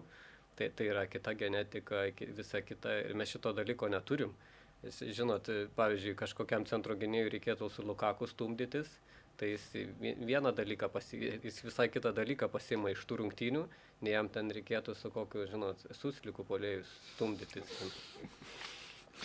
Bet šiaip pats, vat, irgi sakai, kad reikia prisimti atsakomybę, ne daugiau dirbti, bet vat, nu, kaip, kaip tau atrodo, nu, kokius tos žingsnius iš esmės reikėtų daryti, nu, vat, nu, nu, jeigu mes, nu, nes tu dabar vat, irgi sakai, kad mes tą vieną žaidėją, žinai, užsiauginam ir iš to vieno kažko tikimės. Tai kas iš esmės, nu, nuo pat vaikų futbolo iš esmės treneriai turbūt, nes irgi tu kalbi irgi apie tokius dalykus ten, kad, nu, kur atsistoti aikštė, tai yra tokie, nu, tai jau, ne, tai jau yra ne tik e, kojose dalykas, bet tai jau ir galvoje dalykas. Tai jau iš esmės ir pats tas treneris turi būti turbūt pakankamai aukšto lygio, kad jis tos visus dalykus pats gerai suprastų. Ir pats turi daug futbolo žiūrėti, kaip tu žinai, nu, toks turi būti irgi fanatikas. Tai mums iš esmės, nu, tam tikrą prasme žm- žmonėse visgi viskas. yra. Jo, jo, iš tikrųjų reikia žmogiškųjų išteklių ir, ir visa kita. Ir toliau, nežinau, man, mano pačia filosofija, tai žinot, yra tu, tu, tu, tu, turėti, tarkim, galvoje yra kokį šimtą konceptų apie futbolą ir tiesiog tuos konceptus, da- dar prieš gaunant darbą kažkokį, tuos konceptus perteikia ne žaidėjų, kad jau tą pirmą dieną, kai jie įsiaištė, kad visi jie žinotų, ką jie daro, kaip jie daro, kaip, kaip jie elgsis kiekvienoje situacijoje. Ir, ir tai būtų gerai, jei tie žaidėjai žinotų tos visus konceptus, nes jiem tai padėtų ir savo klubuose gauti daugiau minučių, žaisti geriau, daugiau laiko, gal išeiti į geresnį klubą ir panašiai. Tai, tai čia tiesiog, jo, iš esmės tas kl- klausimas toks komplikuotas, nes, nu, aš žinau, iš esmės, bent jau aš taip manau, kad žinau, ką reikia daryti, bet, bet tiesiog čia visko ne, neišvardinsi detaliai, ką reikia daryti. Aš, yra minčių, va, kai kurie sako, skaičiau beros ten Marijos Babravičiaus tą mintį, kad reikia, kad visi turėtų e, vieną filosofiją, ta, ta prasme, nuo jaunimo rinktinių iki ir panašiai. Čia, Pritariu. čia yra logikos kažkiek jo, bet aš šiaip yra ir, bet ir nepritariu kartu, nes e, realiai yra momentas, kai kartais reikia, e, man, pavyzdžiui, patinka 4-4-2 futbolas, ne? tai, tai yra tokia lengviausiai paaiškinama, suprantama gynyba ir tu visą laiką turi du polėjus, ne? tai yra, yra toks, kur tu gali kompitinti su ta, su ta taktinė schema. Aišku, čia tik taktinė schema, čia nieko nereiškia, bet, be, be, bet realiai tu gali kompitinti su ta taktinė schema. Bet tada, tarkim, įsivaizduokim, turi žiūrėti kiekvienos rinktinės kontekstą. Ir jei tu ateini kažkokią rinktinę, o ten yra trys geri centro gynėjai, tai ne, nesakysi, tu dabar žai krašte, nes tu, nes tu nesi tos pozicijos žaidėjas, o mes čia tą filosofiją jau turim. Arba jei kažkoks žaidėjas yra pagal poziciją dešimtas numeris, o čia sakai, ne čia mums reikia dviejų polėjų, o tu čia mažas ir, žinai, e, ta prasme, mes turėjom tą situaciją kažkiek va su Kratus irgi, tu su Pa- Paulium Gulubicku, kur tu visą laiką matydavom, aš nuo, pirm, nuo pirmų momentų, kai juos mačiau, mačiau, kad nu, tai bus geri žaidėjai. Labai geri žaidėjai. Ir, ir, ir, bet jie niekada nebuvo tie, kurie rinktinėse daugiausiai laiko žaisdavo. Tai, tai, tai va, tai tiesiog ar žais dabar ant to žaidėjo ir jam duoda 90 minučių, ar, ar, ar tu sakai, kad mes va, darysim kokį 4-4 futbolą ir tu, nors tavo pozicija tokia, bet tu dabar turėsi žaisti kitoj pozicijoje, nes, nes tu netitinki tos filosofijos. Tai aš taip sakyčiau, reikia viską žiūrėti holistiškai ir aš e, dėl to mano mintis labiau yra, kad tarkim turėti šimtus konceptų futbolo ir juos perteikti žaidėjim ir tiesiog ruošti tą tą futbolininką, kuris gali prisitaikyti prie skirtingos situacijos, nes vienai klubai žais, nes gal savo klubai žais trim gynėjais, o rinktinė reikės žais keturiais, o gal atvirkščiai ir, ir jam reikia žinoti abu variantus. Tai, tai aš tokį labiau žiūrėčiau per konceptinį dalyką ir atsižvelgti kiekvieną tą žaidėją, ką jis gali duoti. Atsimenu ir tokių pavyzdžių su Edgaru Utkum, pavyzdžiui, buvo momentas, kai labai forsavo, norėjo pakelti į vyresnių rinktinę. Mhm. Ir kai pagalvoji, iš vienos pusės su žaidėjų gal ir nėra blogai, tu pakeli, pakeliai ten ant suolo pabus U21 rinktinė ar kažkas panašaus, nežais už U19, išeis, išeis kažkiek minučių prieš geresnius žaidėjus pažaisti ir panašiai. Bet tada tu pažiūri, ką, ką, ką per kontekstą gauna U19 rinktinė, nes iš jų atėmus sutkų gal jų kamulio kontrolė bus ne kem 5 procentų, 3-4. Žinai, ta, ta prasme, tu tu, tu kaip ir sužeidi likusią visą komandą dėl to, kad vienas žaidėjas išeitų ant suolo pasėdėtų 21 komandoje. Bet gal turbūt vis tiek tikslas, nu, turbūt nacionalinė rinktinė, ypatingai kai dabar ten mm, kalbam apie tai, kad, na, vėl kai kuriuos žaidėjus paliko U21 Stankievičiui, nors, nors kaip tu taip plika akim matai, tai atrodo, kad tie žaidėjai tikrai nepakenktų ir nacionaliniai rinktiniai, tai, tai jūs nesutinkat, kad, kad nacionalinė rinktinė būtų, turi bet kokiu atveju tas prioritetas, nu, kur visi geriausi žaidėjai. Aš, aš šiaip žiūrėčiau taip, kad realiai kiekviena rinktinė turi turėti, žinai, savo štabą, tą full-time štabą, nes bent jau aš nežinau, kaip tiksliai yra, bet aš esu girdėjęs ten iš Libinsko ir panašiai, kai čia iš kitų podkastų, ka, kad, tai- kai kurios, bent jau anks, ankstesniais laikais, kad net neturėdavo, tai gal tik vyr treneris turėdavo, tarkim, full time sutartį, o kiti ne, tarkim. Tai, tai, tai jeigu tas tiesa, aš sakyčiau, kad reikia turėti pirmiausia ge- gerą štabą, kad kiekviena rinktinė turėtų atskirą.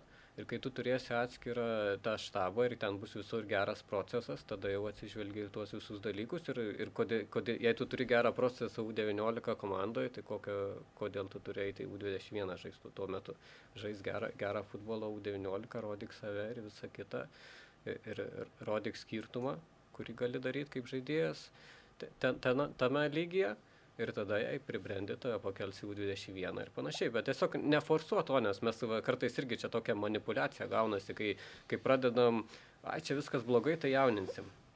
Žinai, nu, bet mes jauninom ir anksčiau kažkada čia, ir dar kažkada anksčiau jauninom, ir, ir tas yra, atsakau, Galiausiai jauninama po to, kai pažiūri Jo. amžiaus vidurkį, Jo. tai žiūri, kad e, už visus beveik konkurentus vyresni. Jo, esam čia, čia kaip mėgstama sakyti, kai sako, ten mes ne, kažko nepadarom, nes prieš dešimt metų kažkas blogai dirbo, bet, bet realiai taip sakė ir prieš dešimt metų, ir taip, po dešimt metų taip sakys, nes taip labai lengva sakyti, kaip žinot, mes kažko nepadarėm, nes kažkas prieš dešimt metų blogai dirbom. Tai dabar jau gerai viskas bus. Ir po dešimt metų vėl kažkas sakys tą patį, tik kitas žmogus ir kitam žmogui, nu tas žodžiu.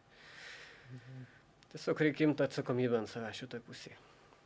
Gerai, tai ta gaida, laikas po truputį tiksi, link pabaigos einam, dar reikia pasakyti, kad mūsų rėmėjai yra Vplay ir 7bet. Praėjusią savaitę klausėm savo klausytojų, tiksliau prašėm paivardinti didžiausias problemas, kaip išspręsti lietuviško futbolo problemas, apie tai, ką ir kalbėjom su šios dienos svečiu. Na ir grinai subjektyviai išrinkom geriausią atsakymą, kurį pateikė Karolis Zaveckas. Ir jisai tokią eiliuotą problemos būdą pasiūlė. Perskaitysiu tą eiliuotą problemos būdą ir e, pusės metų viepliai prenumerata atiteks Karoliui Zaveckui. Tai žodžiu, jisai spręstų problemą taip. Pas LFF ir vėl sunkus laikai atėjo. Sprendimas pastatyti savą nepaėjo. 12 kamolių į mūsų tinklą skriejo. Ekspertai, netgi Tapinas, vėl nepagailėjo. Tad išrinktasis Ivanas visai išprotėjo. Ir ką dabar daryti, klausimą turim. Duot antrą šansą dėdėjai. Ar vėl pradėti nuo nulio? Vieni sakys, ar tik nebus nuo vilko ant meškos. Bet jei dar čia ne meška, tai tada visai ne kažką. Siūlymas toks LFF vadams. Pradėkit dirbt. Ivano galit dar lauk nevaryt, bet tuo pačiu rimtai namų darbus daryt. Ne tik transfer markets skaityt. Daugiau Reinholdo Breu klausyt. O netgi ir greit naujo vado neradus, būti kantriems ir nesiblaškyt. Jei kartais paskutiniai du mačai paeitų, planų neatsisakyt. Ir valdui ate pasakyt. O kas toliau? Tikėkime, kad jau nebus blogiau. Tai va, tikėkime, kad nebus blogiau. Šį kartą atsisveikinam, dėkojam Linui Treigiui, dėkojam Dėkui, Jums Dėdienui už pakvietimą. ir gero sezono linkimo ateinančio, kad ta svajonė, Premier lygos svajonė būtų įgyvendinta. Gerai, dėkui. 7bet Lažybos, lošimo automatai, kortų lošimai, ruletė. 7bet dalyvavimas azartiniuose lošimuose gali sukelti priklausomybę